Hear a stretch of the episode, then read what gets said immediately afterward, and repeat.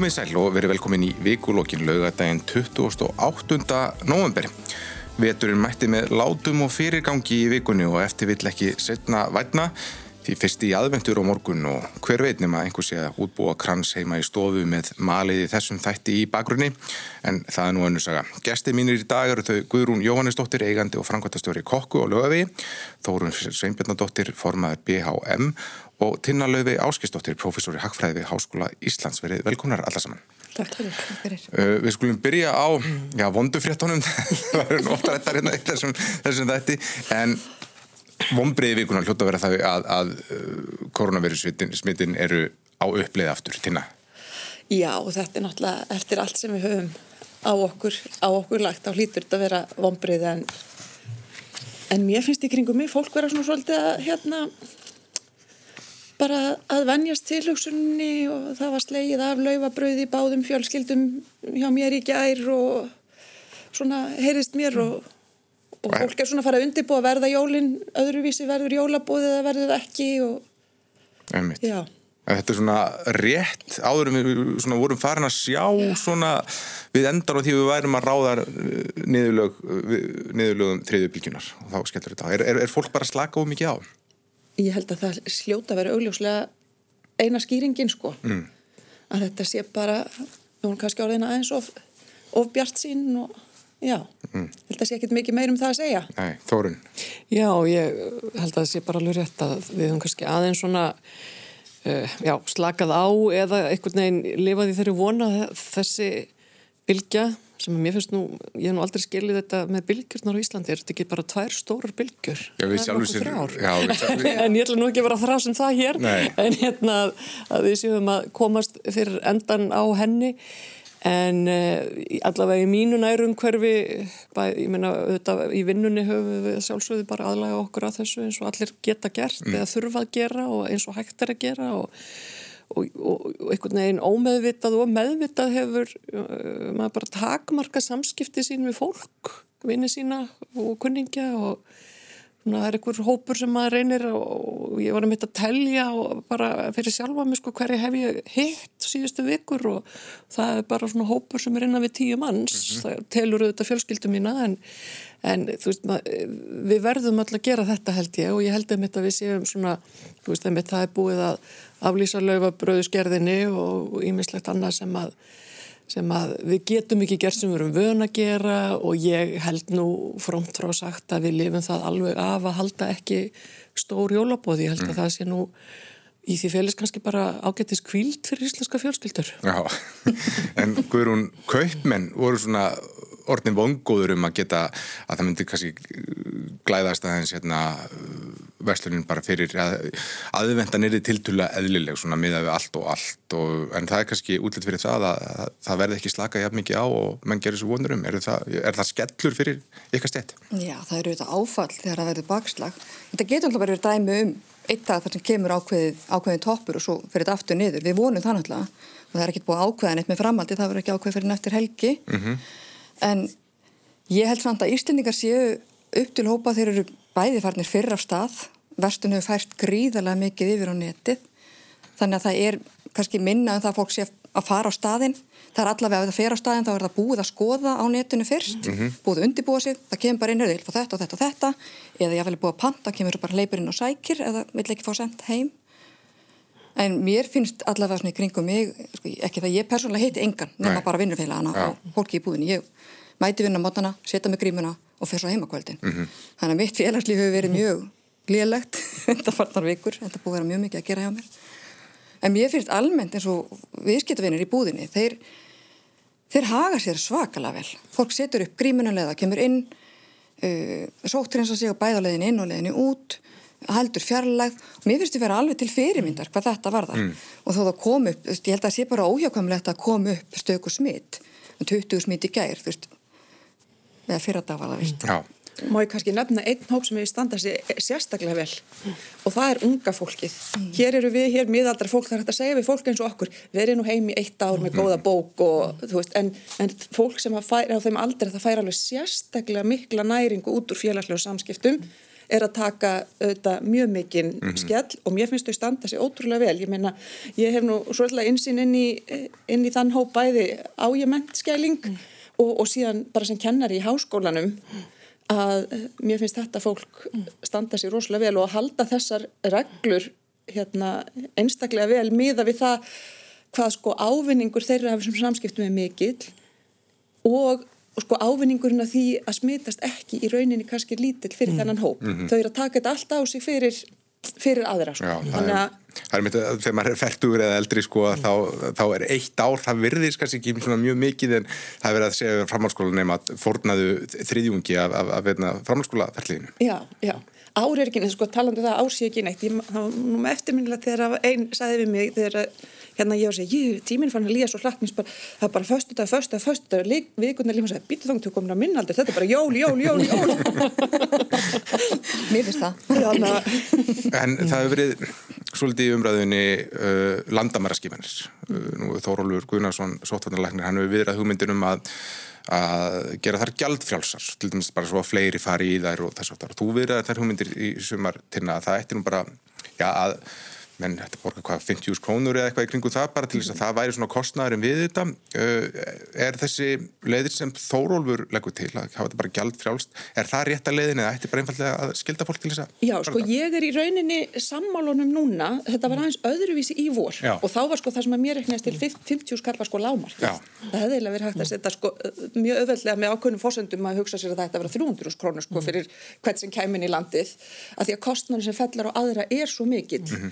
fórsöndum að hugsa sér að þetta vera 300 krónur fyrir hvert sem kæmin í landið, að því að kostnarnir sem fellar á aðra svo mikill. Uh, núna er þetta eins flóknar ef að fólk er að velja sig frá skimuninni og hérna og uh, velja tveggja veikna sóttkví sem er ekki örug, örugleið og hugsanlega valinn af fólki sem að, uh, ætlar ekki alveg að virða þá sóttkví þá eru náttúrulega kvatanir til þess að beina fólki aftur í, í tveggja veikna, nei, í tvöföldu skimunina meiri. Sko í vor þegar að hérna ég vildi hækka gjaldið mjög mikið, þá var skimunar geta mjög lítill og það var verið að skima helst bara frá sumum löndum og bara einu sinni. Þannig að jafnvelegu fóst í skimunina, þá varstu að skapa samt töluverða áhættu fyrir, hérna, fyrir landsmenn. Þannig að mér finnst þess vegna að þetta hugsa sér svo margt í þessu. Nún eru kvatarnir þannig, það er svo mikilvægt að fólk fari í tvöföldu skimunina að mér finnst þess vegna sko já, sko hafandi sagt að nú er ég ekki lögfræðingur og ég þekki ekki þessa umræðu um hversu erfitt er að skilda fólk í skimuninu. Já. Þú veist, hvers, hvaða rauk liggja þar að baki að, að þetta sé það mikil íhlutun í, í líf og líkama fólks að þú, fólk bara get ekki hugsað sér að gera það skildu. ég bara, en ef að það er ekki hægt, þá get ég, ég vil hugsa mér, byttu, væri ekki hægt að þá að segja að maður má fara í tveggjöfna sótt hví, en það kostar. Þannig að þú sérst með gjald fyrir að, þú veist þannig að þá er það svo sannlega bara möguleiki en fólk borgar eða vill fara þá leið Þórun, menn hafa, og beina fólki í skiminu. menn hafa einmitt velt sér fyrir sér svona tregðu stjórnvalda til þess að skilda fólk einfallega bara í sótkví, í, í skimun á, á landamærunum og sem spyrja sig, er þetta út af þessum torsaskap stjórnvalda sem trössuðu að byrta lög þannig að þau tækju gildi? Eru við að, eru við að súpa segja það því núna? Það er nú einhver, ský, einhver skýring sem liggur í því en ég held nú samt að, að stjórnvöld hafi, uh, hafi fulla heimild til þess að setja skorður við það í krafti sótvarnalaga uh, og nú má vera að það þurfa að gera þessar breytingar sem að ég held að séu núna til umfjöldunar í þinginu. En það eru þetta þannig og hefur verið þannig um allan heim mjög lengi að það eru ákveðin lönd sem að maður kemst ekki inn í nema maður mæti með bólusetningaskirtinni sitt. Uh, þegar maður fer á, í suður, hérna, suður fyrir miðbau og, og annar staðar það sem eru landlægar, landlægir sjúkdómar sem eru ekki hér hjá okkur þá verður maður fyrstilega að láta bólusetja sig og maður þarf að sanna það að maður hafi farið í bólusetningu. Þá er hægt að sem sagt, og það er bara kerfi sem allir þekkja held ég. Þannig að nú er ekki komin bólusetning og skimunin er ekki alveg það sama en það er hins vegar þannig að við höfum einhverja stýring og því hvernig við leipum inn í landu og hvernig ekki.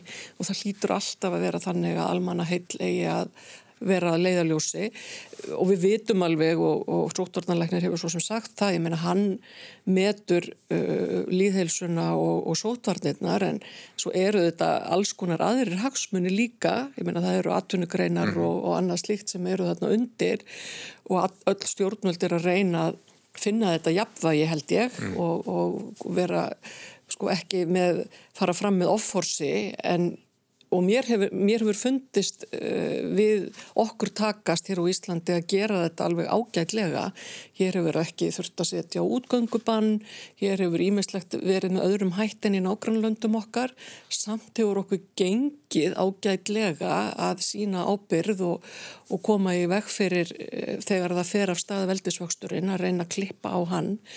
Þannig ég, sko, við erum bara í, við erum í, í stöðu sem við höfum ekki verið í hundrað ár mm -hmm.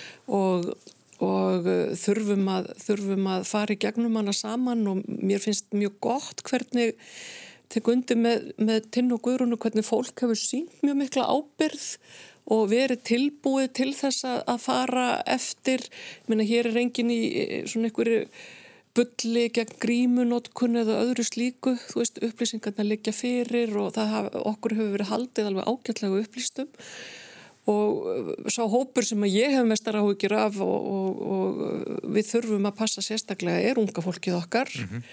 uh, en ég veit þú komast í gegnum þetta og þetta verður í þeirra lífi sko ár hinnar miklu þrautsegju held ég, sem að þau búi síðan að í framhaldinu og síðan auðvitað fólk sem er fyrir í félagslegri einangrun mm. hvort sem það eru aldraðir eða einstæðingar eða aðrir af því það er bara þannig að þessar aðstæður gera vondar eh, sko, vondastöðu í samfélaginu verri mm. og, og það eru hópar sem við vitum hverjir eru sem við þurfum að passa sérstaklega vel upp á mm.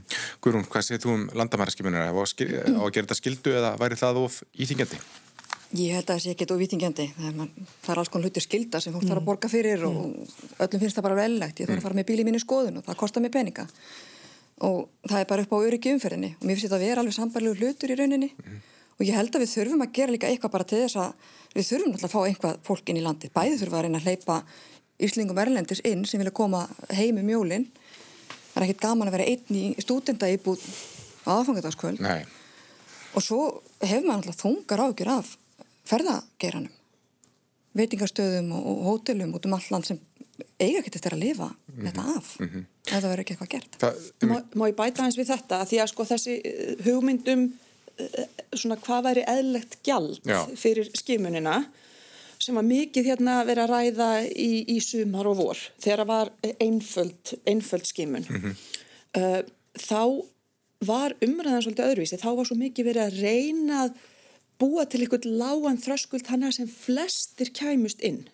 Nú er komin tvöfaldaskimunin hún gegnir nefnilega sko tvöföldur hlutverki. Hún er náttúrulega eitt hlutverkið er bara að passa þeir sem koma inn í landið ber ekki með sér smitt mm -hmm. en síðan er það hitt sem er kannski svolítið að sama og gjaldtakan hefði gert að þegar að fólk kemur inn í landið og það er að hugsa á ég að fara yfir þessi landamári, mm. það er einhver ávinningu sem ég hefði að því, það er einhver kostnaður er það þessi virði veist, þessi ákvörðan taka er svo skokk þegar svona opbúslega mikið að kostnaðinu fellur á okkur annan mm -hmm.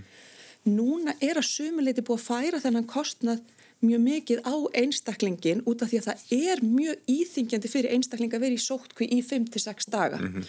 þannig, að þessi, þannig að það sem að, þetta er ekki bara að fólk komi ekki inn með smitt, heldur líka þetta mingar ferðirnar yfir landamærin þannig að fólk fer ekki nema að eigi mjög ríka hagsmunni. Og svo þarfstu jafnvel að einmitt að taka aðra en sótkví þegar þú kemur ferð tilbaka. Tilbaka, sko, þannig, þannig að hluti af gjaldinu er ekki bara að sko þú veist, einhvern veginn að taka, þetta er ekki réttleitismann, þá sá sem veldur skadanum mm. hann á að, það er bara, heyrðu, við skulum, ef að maður er sko hagfræðingur, mm. þá er maður að hugsa, betur, ég vil að hagurinn sé mm. meiri heldur en fórnirnar, veist, og þá vil ég talja allar fórnirnar og ein leið til þess að allar fórnirnar sem ég taldar er að setja það á einstaklingin mm. og nú, núna er þetta orðið íþingjandi að fara yfir landamærin, að því að maður þarf að fara í sótkví, þannig að fólk sem að fer yfir landamærin það langar rosalega mikið til að vera með fjölskyldunum sinum jólinn, frekarinn í stúdanda íbúð og, og, og, eða þá að langar alveg rosalega mikið til að sjá jökul mm. eða þá að langar alveg rosalega, þú veist það er einhverju miklir hagsmunir held ég sem eru. Þannig að það er aðeins búið að leiðrita þetta með við þegar var einföld skimun og hérna uh, í rauninni mjög auðvelt fyrir alla óháð því hversu miklum skada Já. þeir voru að valda sko.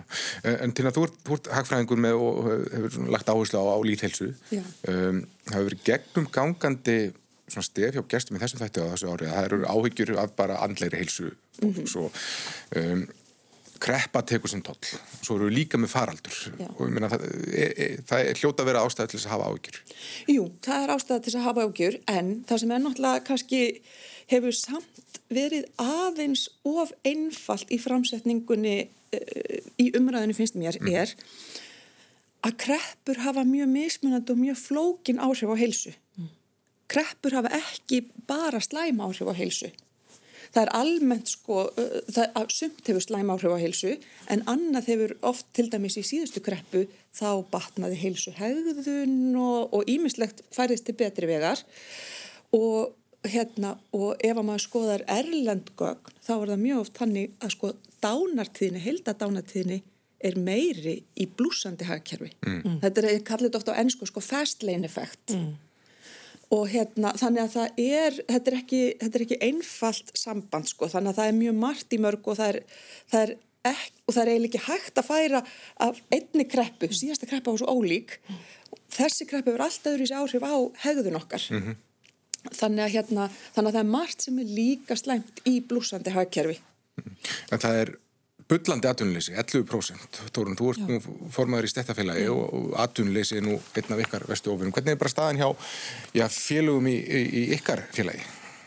Já, hún er þannig að uh, við höfum séð þær breytingar, nú er uh, eins og fyrir við framkomið, við erum að fara í gegnum kreppu nummer 2 og 12 árum. Og fyrir yngstu kynsluðin okkar sem er til dæmis núni í framhalskóla þá er þetta önnur djúpa kreppan á þeirra æfiskeiði. Um, á, þetta er, og það er kannski ekki, maður er alltaf að segja það sama, þessi er allt öðruvísin hinn, eða svo síðasta. Og fyrir því eru augljósar ástæður. Og hún hefur líka önnur áhrif á okkur held ég andlega af því að sökudólgurinn er veira en ekki við mennirnir þannig séð ef maður, ef, ef maður einfaldar það mjög mikið.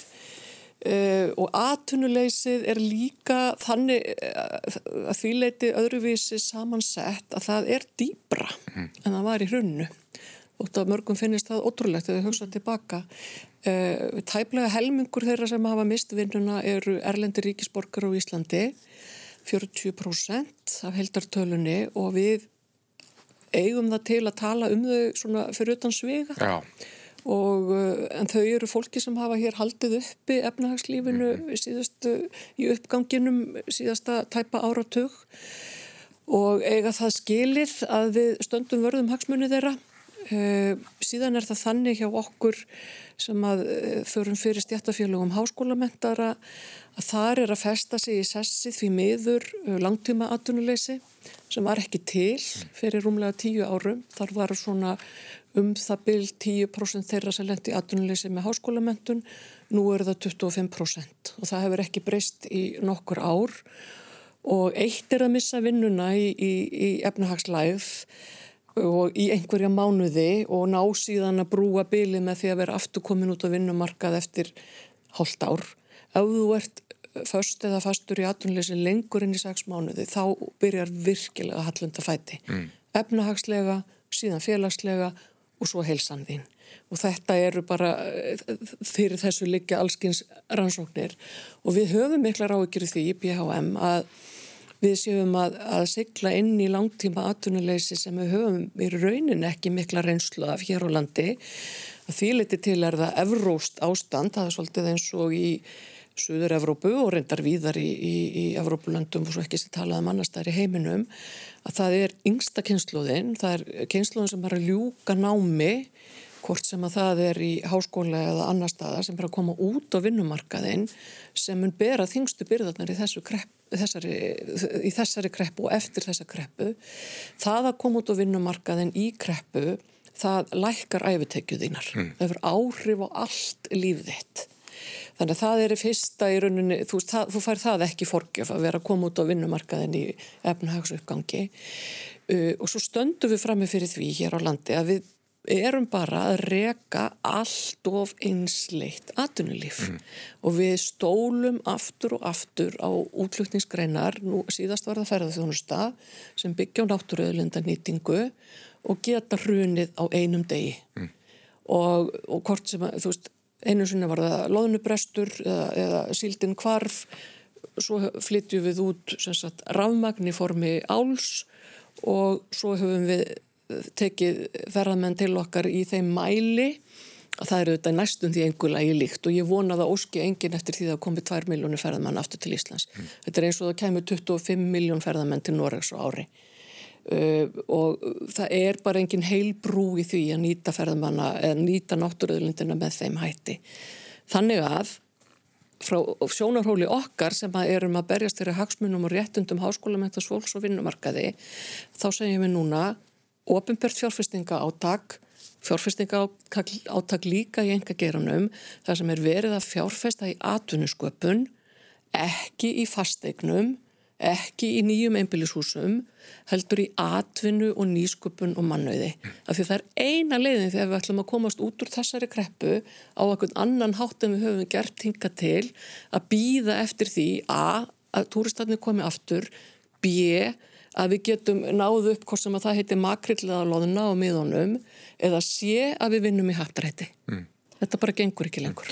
Uh, Guðrún? Já, ég vil eiginlega bara, hérna, auðvitað er 11% atvinnleysi í dag sögulegt á Íslandi. Mm -hmm. Við höfum ekki upplifað, ja, mjög langa tíma, ekki sem ég mann eftir, upplifað svona dölur. Að því sögðu þá er, nú var ég að vinna hjá vinnumælustofni Þýska ríkisins að hann flutti heima og opnaði mína búð og þar var 10% atvinnleysi bara nokkuð verið slopið. Uh, þannig að við þekkjum þetta ekki hér. Nei. Úti þykir þetta nokkuð eðlilegt. Vandamáli hér er náttúrulega við erum bara svolítið fá. Mm. Það eru fáir launþegar á Íslandi sem bera upp allt þetta kerfi og hérna, það vandar kannski úrræði eins og til dæmis var búið upp á úti að ef þú varst búin að vera atvinnulegs í einhver tíma þá gastu fengið tækifæri til þess að stopna þetta eigi fyrirtæki mm. og vera það áfram á atvinnulegsbótum í sex mánuði ef ég manna rétt, það 20 ár síðan vinna það mm. Uh, til þess að hjálpa þér á stað. Ja.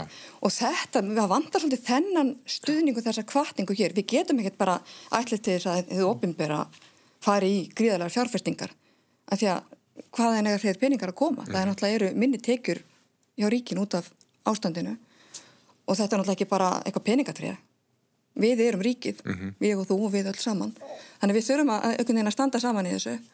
En ég held að það sé að fara alls konar svona leiðir En, en sko þetta ástætt hefur byttnað ólíkt á greinum, bara svo ferðarþjónustunum menningagerin, eh, hvort ekki í sárum, en, en Vestlund til dæmis, hún var bara í blóma í sumar hefur það haldið áfram uh, inn í vetturinn? Þetta er alltaf mjög mísett eftir geirum Vestlunar, mm -hmm. það er fullt af Vestlunum sem hafa verið að berjast í bökkum út af þessu ástandi uh, í mínu tilfelli hefur verið mjög gott ástand og í rauninni alveg fordamalus og maður noti það vinsala orð og Íslandingar eru döglegir að versla innanlands núna, þeir eru að eigða peningum innanlands sem er greiðarlega mikið hjálp í.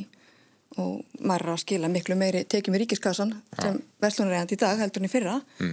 en það er náttúrulega mjög jákvægt uh, Þú segði mér í gæri að þú ert jæfnvel að ráða fólk til þess að standa fönnum í dyrtan og telja fólk inn og, Sko ég er þetta ekki alveg komið þánga við hefum verið þetta auka hjá okkur mönnun og hérna og erum að hérna býð eftir að börnin okkar klári prófin og svona. Það getur komið að hjálpa til bara eins og í öllum fjörskildu fyrirtækjum Já. en jú, við þurfum að vera fleiri vegna það er náttúrulega, er, við erum með tíumanna mm. fjöldatakmarkanir sem er ágætt í rauninni, þá bara hefur hver pláss fyrir sig inn í búðinni. Mm. en svo það maður stöðt að vera að taka tími að þú veist, ég er kannski aðstóða einhvern og svo veitur fyrir ekki hvað eru koni margir inn, svo þarf ég að hlaupa hringin og telja og loka hurðinni og sitja með í hurðinni eða loka þá þurfa það að býða svo þarf maður svolítið svona að lóðsa fólk inn og út mm. að þetta er búið að vera svolítið, svolítið mikið hlaup Já. þetta eru langir dagar Já. en það var í fréttum í vikunni að uh, verðlagsættil DSI, það, það segir að vöruverð sé að hækka og samtök Veslunar tjónustu tala um að gengið hefur, uh, það hefur lækkað og, og aðfengur að vera dýrari um, það eru yfirvönd launahækkanir er þetta, ég meina, er inni staði fyrir þeim launahækkanum, er þetta, þetta standundur í? Sko, yfir það heila myndi ég nú heila segja nei uh, eins og segja, þetta er mjög misið eftir geirum verslunar. Það er náttúrulega búið að vera mikið flögt á krónunni þetta árið og maður er að horfa það eitthvað sem er keifti inn fyrir mánuðu síðan og borgaði fyrirfram. Maður er búin að bölfa því að ekki geta borgað það eftir á en það í millitíðin hefur svo krónan styrst. Mm -hmm. Þannig að þetta er alltaf svona dans og við stöndum fram fyrir því í mínurekstri að takin einhverja vörur og svo maður tekum maður langan tími að reikna út vegið með alltala af lagurdum til að þau ekki hækkuð mikið og að geta ekki maður ekki miða við Evrópuversin 155 sem þá er maður að selja verðunar ódýr heldur út í Evrópu. En maður tórir bara ekki að hækka verði meira heldur en maður heldur en nöðsyngrefur mm -hmm. vegna sem maður vill náttúrulega ekki standa fram fyrir því að allt í hún sé allt orðið 25% stýra heldur en það var fyrir þrem mánuðin síðan. Mm -hmm því maður vil bara ekki bjóða upp á það. Maður er alltaf útrópaður, kaupmenn er alltaf svo vondir það vitið það, er það ekki? Okrarar og nýðingar og svona. Hmm. en, það er nú mjög miss já, en, en, en til að það er mynd núna sem þessi línundans byrja, við höfum ágjur af verðbólgu uh, og, og því er, er hún að fara stað? Ég veit ekki, þetta er, þetta er allt rosalega línudans og það sem að þær er að tala um sko, með, með vinnu, vinnumarkaðin og hvernig á þessi dans að vera á milli þess að tryggja afkomi fólks og í svona tímabunni ástandi samt að halda einhverjum kvötum þannig að það sé hægt að færa fólk á milli starfa mm -hmm. þannig að það fari í aðra arðbæra starfsemi, þetta er bara, þetta er bara allt heilmikill heilmikill línudans mm. og, og, og mjög, mjög erfitt að viðhalda þú veist, það er, það er nógu erfitt fyrir fólk að breyta um eins, eins og hérna Þórin var, var að tala um hérna, þú veist, fólk sem er í, í að, hérna atvinnuleysi sem að getur á langtíma atvinnuleysi þú veist, hversu auðvelt er að fara í allt öðruvísi starf í sex mánuði eða átta mánuði og á síðan að breyta þessu aftur?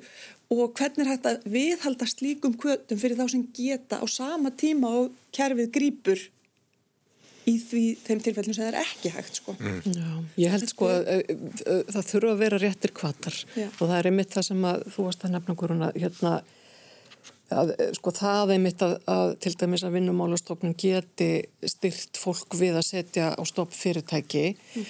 uh, mér skilist að það sé í raunin einhver möguleiki til þess okay. hann sé bara lítið notaður og, og lítið þekktur en lítið það þarf að vera já, eða lítið kynntur en það þarf að vera þannig eins og í veist, til dæmis í litlum fyrirtækjum uh, sem að geta bætt við sér tveim, þrejum starfsmönnum. Ef þú færð á móti framlag frá vinnumálastofnun sem að við, sem sagt, er þá kannski jafnvel helmingur launagreislunar eða eitthvað slíkt, þá ert að búa til tækifæri og fólk er að komast inn á vinnumarkaðin er að komast að fær nýr, með, fær nýr ný meðmæli og, og fær verður virt og hefur eitthvað að gera og það kannski skiptir mjög miklu málin og endanum snýst þetta um framfærslu. Það snýst um það að fólk falli ekki fátækt mm -hmm. og að það hafi framfærslu fyrir sig og sína og það að sko, fátæktin er okkur svo dýr á svo margan hátt. Þannig að það að þið ofinbæra tryggja fram fæslu fólks skiptir öllu máli í þessari kreppu. Og við, eins og við höfum áður sagt þetta er ekki kreppa allra. Mm -hmm.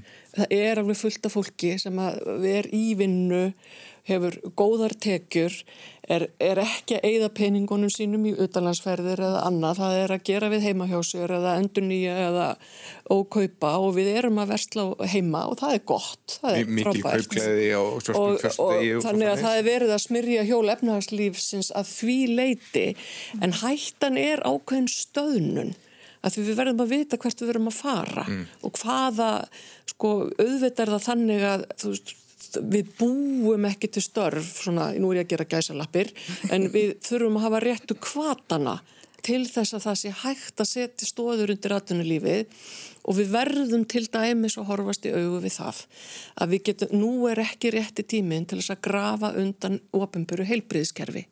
Við, það bara má ekki gerast. Mm.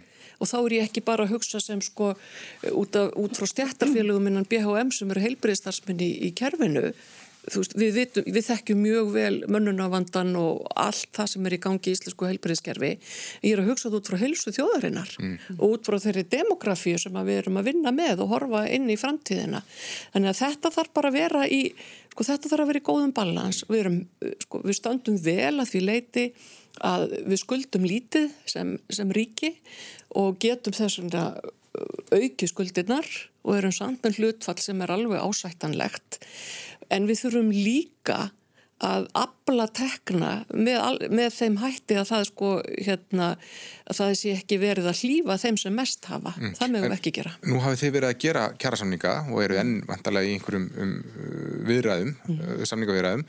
Er hægt að halda lífskjærasamningum sem, sem, til streitu sem viðmiðu? Já, já, auðvitað er það hægt. Það er alveg hægt og það er, ég meina, það voru gerðir hér lífskjara samningar og hefur ofinbera samti innan þess ramma. Og þetta eru krónutöluhækkanir, það er samið til þryggja, fjögur ára, þetta eru lengstu kjarasamningar sem gerðir hafa verið um ára bil á Íslandi, Eh, þeir ógna ekki stöðuleika, það sem ógna stöðuleika á Íslandi er íslenska krónan en ekki kjarasamningarnir Um, og það er ekkert í því sem að er að, er að, er að ógna stöðu atvinnu og efnahagslífs. Það er eins og er ímislegt í umhverfi kjara samninga gerðarinnar sem að er svona svolítið annar handlegur sem að mætti vel skoða og skoða betur. Til dæmis tók lotan okkar hjá BHM við, við ríki og sveit alls eitt og hálft ár. Mm og það er nú markmið á vinnumarkaði að, að samningur þakki við á samningi, það hefur aldrei tekist og það eru bara ákveðni hlutri sem við þurfum að laga mm. í vinnubröðunum þar. Mm. Þetta er svo flókin staða fyrir þá sem svona vela um í svona þessum stóru hagfræði hagfræði stærminu hjá okkur að Já. öll tæki sem við höfum þau miða því að, að, að uh, gefa meira súrefnin í atvinnulífið eða eitthvað slíkt en það bara heldur öllu í játnum hérna. Það er veira áferðinni sem takmarkar bara alla okkar getu og breytni og bjargir. Einmitt. það hlýtur að vera óvinni flókið einhvern veginn að Já, því að maður kannski tækir náttúrulega býta ekki jafn vel þegar, hérna, þegar fólk má ekki fara út á meðal annara og, og, og, og gera og græja og kaupa og selja og svo fram eftir gödunum.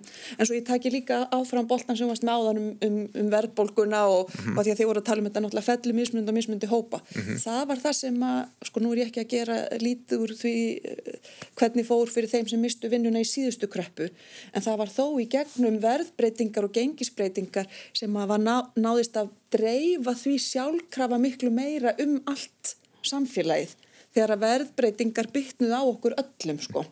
Þannig að því var sjálfkrafa uh, dreift, þannig að núna þurfum við að fara í miklu beitni aðgerðir gagvast einstaka hópum í þessari, þessari kreppu sko. Mm. Þannig að það er ekki hægt að nota alveg með sama hætti bara þessar þessar yfirgripsmiklu aðgerðir sem eiga síðan einhvern veginn að að skila sér og, og þannig að er, þetta eru svo þetta eru svona lítil hólf sem eru að taka skellin í þessari mm. greppu meira heldur en áður. Mm. Það er ekki hægt að setja upp sko spálíkun eins og í hagfræði mm. þegar að engin veit hvað er að gerast. Þetta, bara, þetta hefur aldrei gerst að svona. Veiran bara stýrir þessu. Mm. En, en hver er svona, hvað, hvað tímapunkt þólu við að miða við? Það er alltaf verið að býða eftir bóluefninu og það er verið að menn, menn binda vonur við að það verið farið að dreifa því bara með vorinu. -hmm eru það þólmörkinn? Þólu við þetta ástand mikið lengur? Ég sko sem eh, efnagssamfélag, það held ég. Ég held að við þólum þetta. Við vorum, þú veist, það var hérna, eh, við vorum í þannig stöðu að við þólum þetta alveg eh, þanga til að bóluefni, bóluefni kemur og betra heldur en að draga seglinn hérna saman og, og, og hæja á. Þannig að ég, það er svo sannarlega en síðan er það bara hversu mikið við þólum þetta sem einstaklingar í sóttvörnum mm. þú veist, það er, það er náttúrulega hitt þetta er eiginlega tvent, ég held að við þólum þessar þessar efnahags uh, þessar efnahagsaðstæður og þessar lántöku mm. við þólum það mm.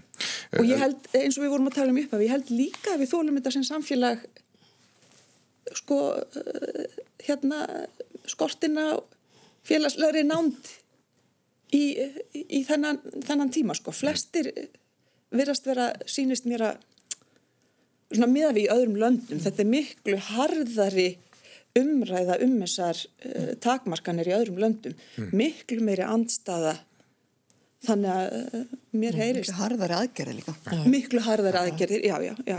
Ef þið voru að koma viðtækjónum þá voruð að hlusta á vikulókin, gæsti minn eru Tinna Laufey Áskesdóttir, Guðrún Jóhannesdóttir og Þórun Sveinbjörnadóttir áðurinn segi uh, mér langar aðeins að nefna að það voru sett lög í gæra á flugvirkjaþórin mm. og um, enga þyrlur í loftinu fyrir ná sunnudag þetta er svo reysastórt öryggismál var þetta það eina í stöðinni? Það er nú ekki mitt að dæma um það því að ég veit ekki hvernig þessir, hvað var að gerast við kjærasamningsborðið en uh, þetta var komið í mikið óefni og uh, kannski hef ég má vísi það sem ég var að segja áðan um sko lengdina á kjæralótonum þessi misserinn og hvað það gengur illa að semja við ríkið sérstaklega. Uh, Sveitafélögin eru, já kannski ekki mikið skári en þau eru þó aðeins skári flest hver. En þetta bara er ekki að gera sig. Það vantar þarna bara miklu skýrari markmiðsetningu og einhverja uh, sko uh, stjórnun og vinnubröð sem að skilar kjærasamningum fyrr og kemur í vekk fyrir svona að þetta þurfi að gerast eða þetta gerist. Mm. og það er að sjálfsögðu, það er ömurlegt að lenda í lagasetningu. Við reyndum það síðast árið 2015 í BHM og og þar var kjaradæla sett í gerðardóm og, og það, er, þú, það er í rauninni verið að taka af því réttin til að semja um, um kaup og kjör. Um, í þessu máli e, e, varu þetta þannig að við erum að tala um landtelkiskessluna og við erum að tala um björgunarþyrlur þannig að, að e, ég, og ég hafði það nú fyrir því að hlusta á þingkvöndin í gerðkvöldi af því það er nú ekkert annað að gera svona fyrstöldaskvöldi hérna og atkvæðagreisluna og, og þetta er ekki, ég minna þetta er ekki einfalt mál Nei. en það er líka þannig og ég get alveg talað af reynslu þar að að í þessu eins og um sumu öðru í pólitíkinni þá skiptir máli hvort þú ert í meiri hluti eða minni hluta mm. hvernig þú getur talað og hvaða, hvaða, á hvaða takka þú ítir og ég er ekki að gera lítur þeirra ábyrg sem fælst í því að vera stjórnmálamæður en, en þetta eru þetta var staða sem að, að mér virtist á þess að, á þess að ég þekkjana beinlinis uh, virtist vera komin í þannig hnút að það var að gera eitthvað en það áauðut ekki að vera þannig á vinnumarkaði að þú þurfir að fara neyri í alþingi og setja lög til þess að ljúka kjaradeilum. En Þar liggur vandi. Sko, Katrin Jakobsdóttir, hún talar um að, að uh, þetta gera bara eins og gert viðar annar staðar að, að ríkisáttarsamjari hafi einfallega frestunarvald. Á, Já, hún, hún, hún, hún skaprunaði einhverjum með því að ræða þetta í frettum í gær. Uh, þetta er gert í nágrannlöndum okkar Þar hef, eru lögum ríkisáttasemjara öðruvísi en hér og, og þar hafa ríkisáttasemjarar, þetta er ekki alveg sambarlegt til dæmis á millir Norðarlandana en þeir hafa mjög sterkast stöðu mm.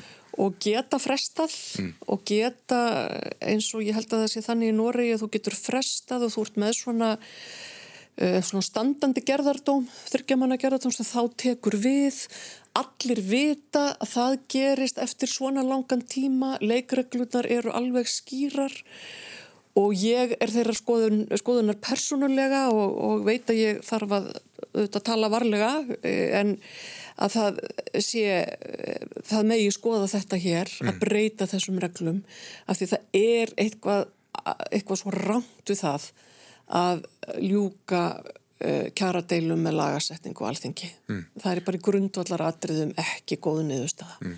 Við lókar að fara hans í aðra salma. Félagsmálar á þeirra mælti fyrir frumarpið sínum fæðingarorlof í vikunni. Það kveður á um að orlofið verði lengt úr já, tíu mánuðum í tólf en skiptist nú jafnt á milli fóreldra. Það verður einn mánuður verður framsegjanlegur í stað þryggja eh, eins, eins og núna.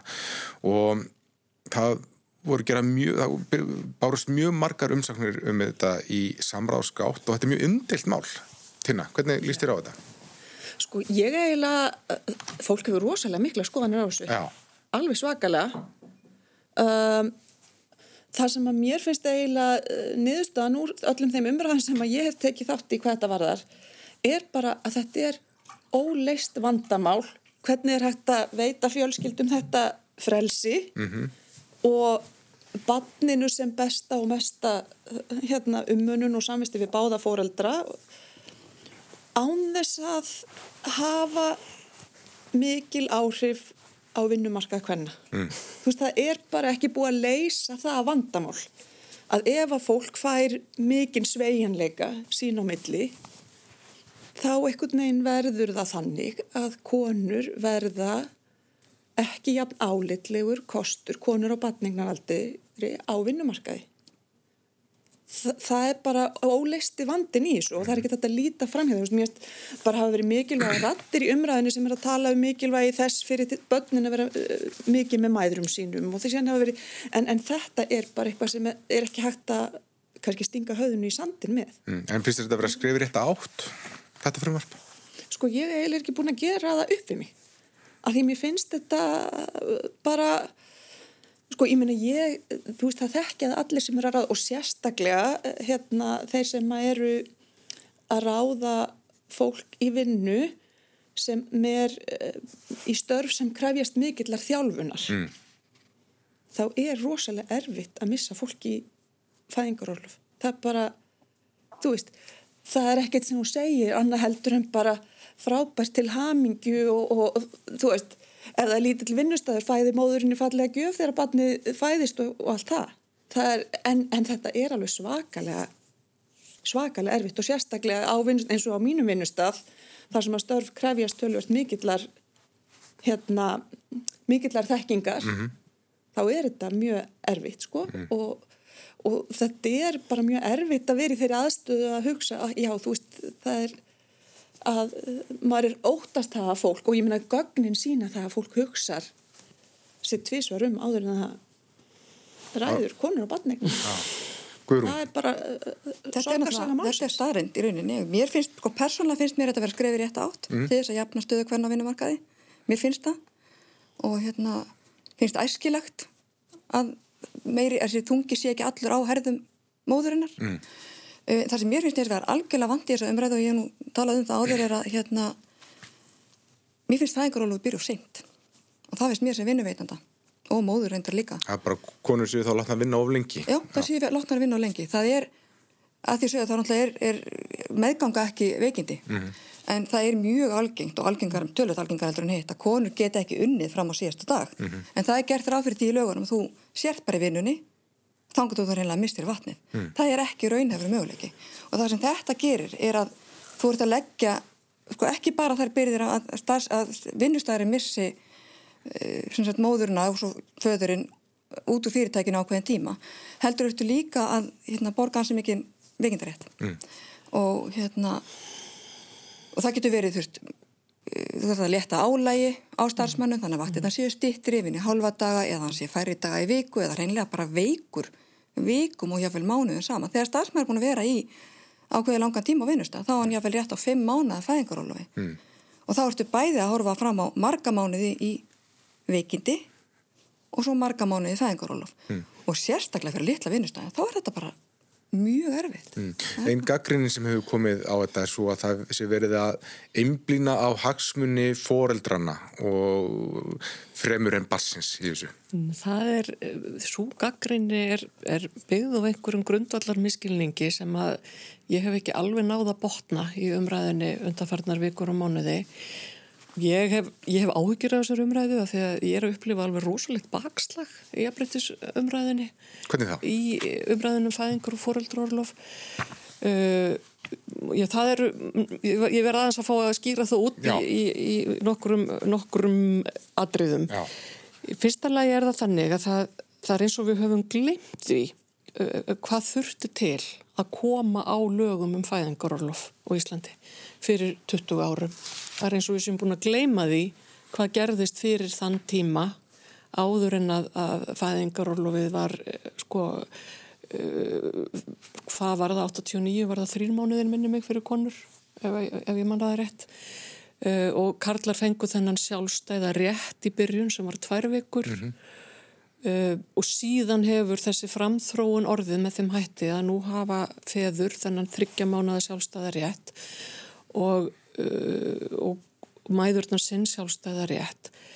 Um, þetta fyrirkomalag sem við komum okkur saman um á Íslandi byggir á þáttöku á vinnumarkaði. Það er að segja ef þú átt, til þess að eiga rétt og launum í fæðingarólofi uh, þá þarf þetta að hafa verið í starfi. Mm -hmm og svo eins og reglurnar eru núna þú farið 80% af laununum þínum en það er hámark sem er núna að með minni 600.000 og við hjá BHM höfum alltaf að benda á það að þetta er allt og látt þakk mm -hmm. af því að þú verður að hafa það að herra einfallega til þess að draga feður betur inn í fæðingarólu við af því að þeir eru á hærri launum en Já, konur. og það er mitt það sem gerðist eftir, eftir hrun þegar það var lækka sko, Já, já, og ég meina og það Tekjuháir fóru kallar þetta því miður þannig eftir hrun að, að, að það, við- við fórum nú mjög lang, næstum því rústuðum þessu kerfi en sem betur fyrir var hægt að reysa það við aftur. Nú eru við stödd þar að við erum að lengja fæðingarorlofið úr núna tíu í tólf mánuði. Það eru tólf mánuðir fyrir hvert einasta barn sem fæðist á Íslandi eða er tekið í fóstur eða ætleitt. 12, má- við höfum aldrei áður hafa Íslands börn fengið 12 mánuði og mér finnst því þessari umræðu höfum við einhvern veginn mist sjónar af þeim gæðum sem í því felast. Það eru gæði fyrir börnin, svo er það einfallega í lögum á Íslandi að börni er rétt á samvistum við báða fóreldra sína og e- á annaða höfuð markmiðum fæðingaróluslagana er að tryggja samvistir við báða fóreldra. Næstum öll börn á Íslandi eiga tvo fóreldra. Mm. Næstum öll.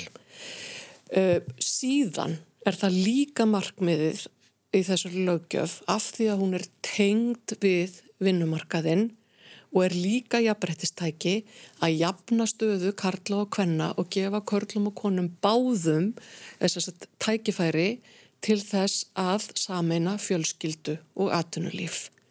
Þetta eru mikil gæði fyrir allar íslenskar fjölskyldur og ekki síst fyrir íslenska feður. Mm. Mikil gæði fyrir mæður að sjálfsögðu en líka fyrir feður en mest gæði fyrir íslensk börn. Mm. Að fá að njóta samvista við báða fóreldra sína.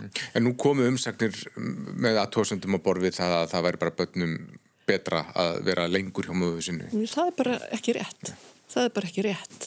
Og það sem þú lýsar í sem umsagnir eru aðtóðasendir sem komu við frumvarpið og meðan var í draugum í samráðsgátt og það var nú greinlega mikil aksjón í gangi að senda þar inn aðtóðasendir. Um, nú liggur frumvarpið fyrir, það er meira hluti fyrir því í alþingi, mm -hmm. félags- og barnamálar á þeirra leggur til jafnaskiptingu með einu máði, mánuði framseljanlegum. Með við reynsluna mun það vantarlega því að konur takki sjö mánuði og karlar takki fimm mánuði, mæður og feður eða foreldrar, hvort sem það eru mæður og feður eða mæður og mæður eða feður og feður. Um, Þannig að við erum að jafna þessa stöðu, við erum að tryggja miklu betri réttindi fyrir Íslands börn en áður hafa verið og við erum líka að stöðla að bara jafnrétti innan fjölskyldna, betri samskiptum við fóreldra við börn, betri samskiptum á milli fóreldra og við erum að bæta stöðu fjölskyldum barna með þeim hætti sem aldrei hefur verið gert áður. Og likillina þessu er sjálfstæður réttur feðra til fæðingarorlofs mm. og það sem að Tinnalöfi og Guðrun eru báðar búin að segja hér og ég er svo glöð að ég þarf ekki að segja en vera svo sem segir þetta fyrst hér þetta er raunverulegur vandi á vinnumarkaði mm. og við erum að láta rekna það út fyrir okkur í BHM hvað það kostar konur í æfitekjum að detta út af vinnumarkaði missurum, mánuðum og árum saman mm. af því að það eru konur sem borga þennan kostnað í launum og æfitekjum og það er þannig líka að sko farsæld barna er í beinu samhengi við efnahagsleg hérna, velsæld forráðamanna þeirra.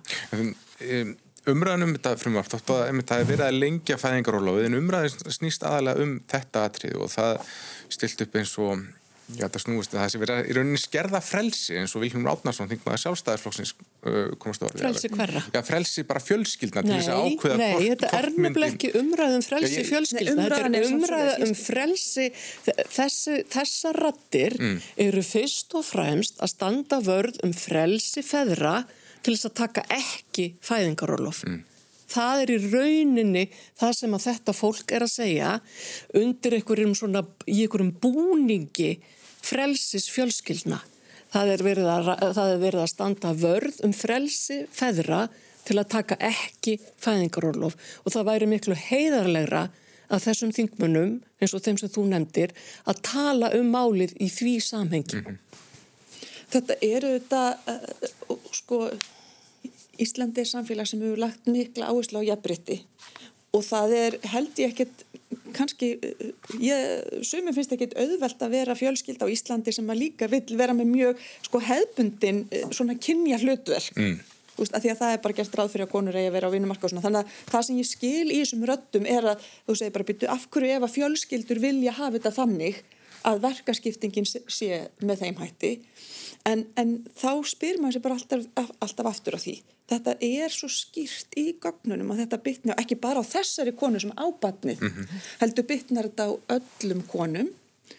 Og, og, og, og það er bara uh, þú veist það er alltaf hérna til staðar. Þannig að ég skil alveg þessi fyrirfæra mikið umræðin út af því að það er hérna og á eins og uh, háskólamenta fólk þar er þetta ennþá mikilvægara mm. þetta er, ég meina starfsmæður sem vinnur hjá mér oft, þú veist, ég er með hérna rannsóknarhóp og er að ráða fólk sem er, þú veist, mikið mentað til þess að vinna rannsókn með mér Minna, það er kannski eitt ár, eitt og halvt ár áður en þessi einstaklingur er orðin sko raunverulega verulega produktífur sko farin að skila miklu þannig að síðan er fæðingarólu og fólk veist, lengir tíman og svona og þá er þetta alltaf, þetta er rosalegt þetta er rosalega erfitt mm. og, og það er auðvitað erfitt þegar þetta er maður getur þar svo yfirgnæfandi líkur á því að konur á batningnaldri takir töluvert fæðingarorlof en kallar á sama aldri gerir það ekki sko. mm. í ráðningum hefur það áhrif, veist, áhrif þó að það eigi ekki gera það sko. Það er svona merkilegt með sko almenningsáleiti Ég mann þegar ég gekk með mitt fyrsta barn á hann árið 1991 þá hérna var ég einhverju bóði þar sem maður verið að tala um að það var einhver kona þar ófrísk og svo ætlaði hún bara að vera heima með barnið. Hvers konar eiginlega væri það? Og svo flítið með þetta nýfætta barn til Þýrskaland sem þótti bara mjög óeilegt að maður væri einhver starf að þvælast ef maður væri ekki, maður ekki heima hjá barninu sínu. Og þegar ég egnaðist yngstu dótturina þá hérna, fekk nú maður minn tveikja daga fæðingarólof 1999 og svo mæti ég aftur í vinnuna ári síðar mm. fannst ég nú bara búin að vera ansi lengi heima. Þurfti kannski aðeins að komast út og talaði fólk með tennur og svona. Og það var bara hort á mig í vinnunni. Mm. ég var náttúrulega að vinna á hjá vinnumálastofnun ríkisbatteri konur í meiriluta starfsmanna. Og ég þótti bara rafnamóður eins og þannig að kalla á þýsku. Rafnmóður bara hafa yfirgifið ég yfirgaf börnin. Já. þrjú börn, hvernig gati verið að mæta svona þvælast þetta í vinnunni og á þeim tíma var ég með sér að vinna sko 50% starf og vinnuvekan hjá mig var 38 tímar þannig ég var í mm. ekki einu, ég náði ekki fjórum tímum á dag mm. og dagmamman var bara í tveggja minna fjarlag þetta þótti fullkona óverlegt En það er, þetta er að segja svo mikla sögum það að það er eiginlega nokkur neginn sama hvað konur gera eða gera ekki. Einhvern veginn hendar það ekki samfélaginu mm. og það verður að vera þannig og, og ég hef nú, það sem að mér hefur kannski fundist einna skona erfiðast í þessari umræðu er þegar að farið er að beita sko brjóstamjólkur rökonum. Það er verið að tryggja það að konur sem geta og vilja gefa barni sínu brjóst og langflestar konur gera það, geti gert það í sex mánuði að minnstakosti. Þannig að það er verið, það er verið að lengja það tímabill, það er ekki verið að, og það er einhvern veginn, það, í umræðinu hefur verið sko eins og þetta séu ykkur aðför af því að vera með börn og brjósti. Eh, hinn hliðin og því máli er, er svo að það er ekki allar mæður sem geta verið með börn sín og brjósti og uh, þær upplifa mikla skömm jafnvel niðurlægingu, uh, það er ekki talað um það, uh, það eru áleiknar verri mæður en mæður sem að geta haft börnin sín á brjósti. Og á þeirri umræðu allri er svona blær sem að er sko talandum frelsi og forræði sem að er sko um, ég veit ekki hvað, ég reyna að orða þetta pent sko, það er svona forræðis ekki að kakvart konum mm. Uh, og að þær uh, sko, þekk ekki hagsmuna sína eða barnana sína og það er búið að blanda þessu með svona svolítið óskemmtilegum hætti inn í þessu umræðum fæðingar og fóreldrólof um leið og allar uh, heilbriðar vel upplýstar konur sem eiga vona á barni vita hvað þeir þurfa að gera og hvað þeir þurfa að reyna að gera þær bara geta það ekki allar skömmin er mjög öflugt verkværi. Þannig að þessi bara verið að nota þessi rauk sem svona bara vopn, alveg á saminskupitið eða einhver, einhverju slíku. Já. Um, rétt í lokin, Tinna, uh, það var satt frá því í vikunni að starfsópur heilbreyðisáðara sem er ætlað að móta tilugur um hvernig beita má efnahagslegum kvötum til að efla líðhilsu. Mm. Hann leggur til að skattlækning á sætindi verði aukin verulega með það fyrir augum að hækka salgjöndisverð og verða á sigruðum og sætum drikkjum um alltaf 20%. Um, er þetta góð strategið til þess að koma okkur í form? Já, er, já, til þess að koma okkur í form er þetta ágætt strategið því að þetta, sko, þetta hefur áhrif. Það er eitt sem hefur verið aðeins ekki alveg nógu uh, gott í umræðinu hérna að það, það var settur á síkurskattur og uh, fólk sá ekki mik mikla breytingar Nei. í tölunum og þá komst einhvern veginn í umræðina að þetta hefði ekki haft neinn áhrif. Mm og það er bara algjörlega, það er bara ránt þetta er bara, bara uppfletti atrið í hagfræði, Já. hversu mikið verðbreytingar hafa áhrif á mismunandi vöruflokka og það, veist, og það halda því fram að verð hafi ekki áhrif á hegðum fólks á þessu markaði er bara algjörl út úr kortinu. Það, hins vegar þarf að gera rannsóknir sem eru miklu flóknari til þess að einangra þetta frá öðrum þáttum heldur að segja, já hér var sigurskattur, síðan var hann fældu niður og sáum við einhverja breytingar, byrju horfum aðeins á tölunar einhvern veginn rosalega gróft, þeir eru veist, það eru ástíðabundna sveiflur, miklar í sigur neistlu og gengisbreytingar sem hafa áhrif þetta, þú þarft að gera þetta þar sem getur þú veist, faktur að þess að alla þetta út, það er búið að gera það marg oft og við vitum þetta virkar. Mm. Þannig að það er eitt sem að er, þú veist, þannig að ef að fólk vil, eins og ég mann ekki hvernig orðað er að þetta verður til að koma okkur í form, þá hefur þetta jákvæð áhrif á það, sko. Það sem að sumir hafa sagt, sagt er, sko, síðan á móti er það sem við vitum líka er, og já, og koma í form, sko, þetta hefur áhrif á hegðun hópa sem að almennt er svolítið erfitt að ná til með upplýsingum. Mm. Af því að það er hægt með upplýsingum að hafa áhrif á ákveðna hópa, síðan eru, að, síðan eru svona hlutar samfélagsins sem að verðbreytingar hafa mikil áhrif á sem eru ekki jafn breyta hegðun sinni ekki jafn mikið þegar að í eh, samræmi ykkur líðhelsu átök og svona þannig að þetta er effektíft hvað það varðar. En er þetta talað um þá tekið lítið og mikið fólk? Já, já, já, já. Það, þetta er, en, en á móti kemur gagvart þessum hópum er náttúrulega þetta er hópa sem að neyta meiri síkus heldur en uh, sko stjættir með svona sterkari efnags og samfélagslega stöðu. Þannig að sumum finnst þetta kannski svo liti uh, þetta er skattur sem er óvenjulegur að því leiti að hann leggst þingra á fólk sem almennt við reynum að skatleggja minna. Mm -hmm.